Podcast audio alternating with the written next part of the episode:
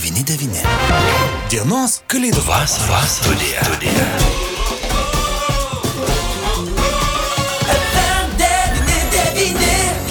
Vasaros studija.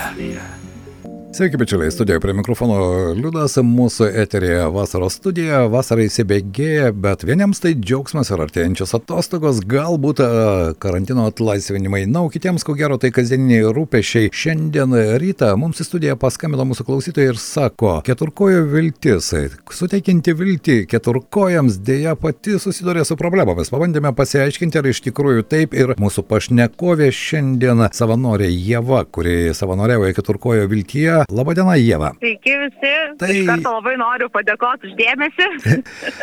Man rodos, kad tas dėmesys mūsų keturkojams bičiuliams, kuriuos ne vieną kartą mes esame kalbėję ir su Eimantu Kalėda, kal- kalbame apie tai, jog tai yra juk mūsų šeimos nariai ir rūpestis šeimos nariams visada turėtų būti. Bet e, gyvenime kartais būna ir kitaip. Ir štai šiandien mūsų klausytojai, kuris skambino, sako, galbūt galima kažką suorganizuoti, kaip padėti šiems geriems žmonėms, kurie rūpinasi mūsų keturkojais, kurie kartais tampa nereikalingais šeimos nariais. Tai Jeva, iš tikrųjų, jūs savanoriaujate keturkojo viltyje. Ar tai sudėtinga ir kodėl jūs tai pradėjote daryti? Na, aš pati pradėjau, nes tiesiog be galo myliu gyvūnus visus, nuo A iki Z ir turiu laisvo laiko ir galiu jį išnaudoti naudingai.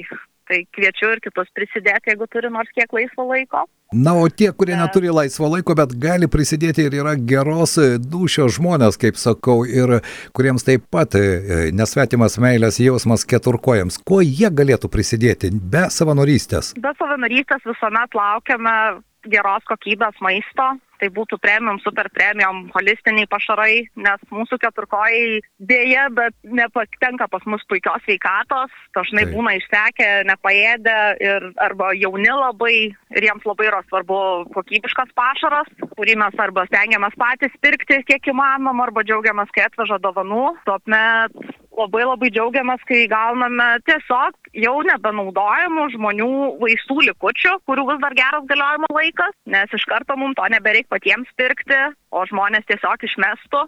Vienu bei žinoma finansinė parama, nes veterinarinės sąskaitos auga, vaistukam, vaistam, viskam. Šiuo metu turime kelis šuniukus, kelis kartus per dieną gaunančius lašelinės. Jeva, aš Tai norėčiau. tikrai padeda. Taip. Norėčiau paklausti vis dėlto, štai lockdownas buvo, karantinas, pandemija. Vienu metu teko kalbėti ir su specialistais, su gydytojais, gyvūnų gydytojais, kurie sako, kaip tik tuo metu žmonės daugiau pradėjo įsigyti įvairių keturkojų, tokiu būdu galbūt gerindami ir savo psichologinį mikroklimatą namuose. Na ir pagaliau vienatvė tikrai yra sudėtingas jausmas. Tai štai, bet dabar prasidėjo vasara. Nėra taip, kad tai prasidėjus vasaros sezonui, galbūt žmonių planai keičiasi ir štai keturkojo viltyje atsiranda kur kas daugiau keturkojų, kuriems reikalinga pagalba, reikalingas maistas, na, reikalinga elementariausia priežiūra. Ar nėra tam tikro sezoniškumo? Sezoniškumas visą laiką yra,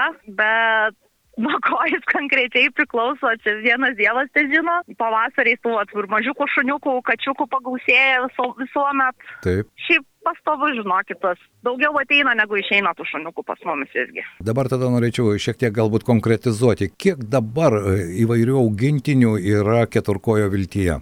Virš dviejų šimtų su šunukais ir kačiukais. Virš 200 ir jie kiekvieną dieną Taip. no- nori valgyti ir kiekvieną dieną jiems Taip, reikia... ir, ir valgyti, ir meilės, ir namų šilumos.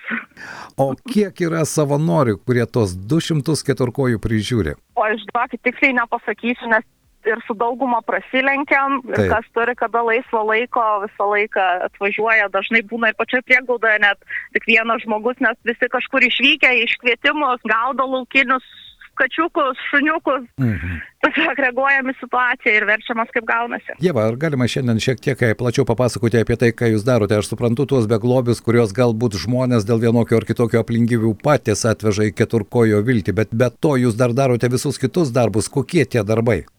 Minėjau, iškvietimų važiavimas, kai sulaukime tiesiog skambučio kažkur, mačiau šunį, katę, reikia pagalbos, tai skubame pas juos, Aišku, po to reikia juos reabilituoti, gydyti, vakcinuoti, Taip, taip, sterilizuoti ar ne Taip. čipuoti ir taip toliau. Beje, Taip, čip taip, taip, taip. dabar dar Čipavimas irgi labai labai svarbu, labai džiaugiamės su įstatymų Taip. pakeitimais.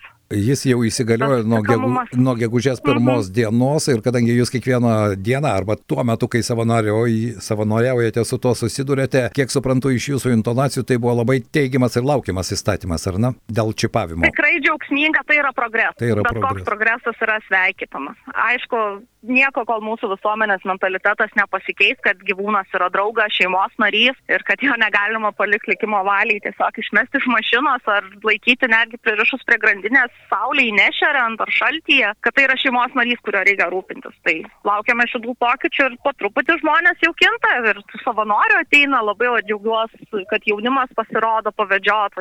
Šiandieną netgi trys mergaitės nežinau, iki 12 metų atėjo, pavedžiojo šuniukus. Ir tai irgi jau Tai pagalba, ar ne? super. Tai irgi Taip, papildomos taip. rankos, be jokios abejonės. Ar daž, dažnokai jums tenka vykti pagal tuos karštus signalus ir e, e, gaudyti tuos e, pasimetusius keturkojus, ar vis tik tai yra tokių atvejų, kai žmonės patys atveža, na, gal dėl pasikeitusių gyvenimo aplinkybių? Tikrai, žinokit, įvairiai, labai įvairiai. Čia statistikos nevedame tokios, tai aš jau tiksliai nepasakysiu, nes aš da- daugiau visgi laiko pačioje prieglaudoje leidžiu. Taip. Mano kolegos jau važinėja labiau. Mhm. Na, o kalbant apie tą mentalitetą ir mūsų visuomenės pokyčius, jūs užsiminėte, kad vis dėlto tam tikri pokyčiai yra, žinoma, visada norisi, kad pokyčiai vyktų kur kas greičiau, bet štai tokių drastiškų atvejų irgi netrūksta, ar ne, kai iš ir šunys prie grandinių pri- pririšti, bet pamirštama juos pamaitinti, na ir visokių kitokių skaudžių įvykių netrūksta. Kaip miestuose jų mažiau, kuo toliau už miesto, tuo dažnesnis atvejis. Tai čia nat natūralu, su tuo kultūriniu lygiu žmonių ateina ta meilė ir suvokimas, kaip reikia rūpintis gyvūnu. Aišku. Na ir dabar jeigu konkrečiai, kuo dabar galėtų padėti žmogus, kuris mus girdi ir kuris turi gerą širdį, kuris galbūt vaikystėje pats svajojo turėti tą šuniuką ir galbūt neturėjo galimybės savo svajonę išsipildyti ir puikiai supranta, kad galbūt jis dabar negali auginti keturkojo vieno kambario bute, bet jis gali kažkuo prisidėti. Skubiausia pagalba, kuri dabar reikalinga keturkojo vilčiai. Tai paprasčiausia ir neišeinant iš namų, net telefonu galima pervesti finansinę paramą, tai visi mūsų rekvizitai bus Facebook grupėje. Taip. Visą laiką galima asmeniškai parašyti, gal kažko mums konkrečiai šiam momentui trūksta dega, jeigu turi laiko žmonės nuvažiuoti patys nupirkti, bet, bet kokia pagalba mes visą laiką labai džiaugiamės ir priemam. Tada Jėva paklausiu kitaip. Ar jaunoji karta vis dėlto jau galbūt kitaip žiūri į keturkojus ir štai ir tie patys savanoriai, kaip sakote, šiandien 12 metės mergaitės atėjo, pavedžiojo šuniukus ir tai jau pagalba. Ar galbūt e, tam tikri kultūriniai skirtumai jau jaučiami ir jaunojoje kartoje? Tikrai taip, jaunimas yra daug, daug supratingesnis, jautresnis galbūt gyvūnų klausimų. Mhm. Jie, jiems nebėra ta norma, kad augo ir šuo prie lenciūgo buvo pririštas, jie to nebemato. Jie mato interneto, internete mylimus, dresuojamus šuniukus, kurie visur keliauja su šeimininkais, Taip. labai žavukai e, kavinėse ar ten baruose įleidžia su šunimis Taip. į renginius ir vaikai auga ir mato jau kitokį visą įspūdį, tą, tai natūraliai ir jiems tai yra norma. Be jokios abejonės. Na, o kalbant apie konkrečiai Jėvą, ar kada nors ką nors auginote ir ar jūsų vaikystėje taip pat buvo svajonė turėti tą keturkojį bičiulį? Turėjau, žinokit, nuo trijų metų kuro trailerį. O, tai es, esu augus su šunimis, tiek savais, tiek šeimoje visą laiką buvo bent vienas šuo, katės. Asmeniškai esu ir egzotinių gyvūnų mylėtoja, tai tikrai ap, absoliučiai visko yra namie buvę. Supratau. O štai keturkojo viltyje vis dėlto tradiciniai įprasti mums keturkojai, ar kartais atsiranda ir koks nors egzotinis, su kuriuo ne visada žinai, kaip reikia elgtis ir kaip jį globoti. Mano žinioje tik kol kas tik tai standartinių šuniukų kačiukų sulaukiam. Jeigu atsiras skambutis pagalba su kažkokiu egzotiniu, tikrai rasime Prie- irgi kaip jiems padėti. Keturkojo viltis pilnai pateisina savo pavadinimą, nes tai yra ne tik viltis, bet tai yra galimybė kiekvienam iš mūsų prisidėti prie tos vilties, nes tai yra nepelno siekianti organizacija, visuomeninė organizacija ir ją išlaiko tie patys žmonės, kurie nebeingi keturkojams. Ir štai tokie savanoriai kaip mūsų šios dienos pašnekovė Jėva. Jėva, ačiū, kad suradote laiko ir dėkui. Dėkui, dėkui, dėkui. Be jūsų nebūtų jūsų mūsų.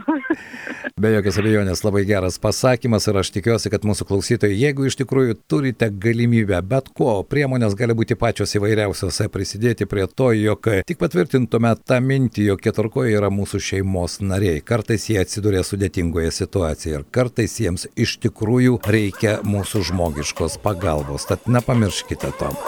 Vasariški pokalbiai vasariškoje studijoje. Prie mikrofono Liudas Ramanauskas.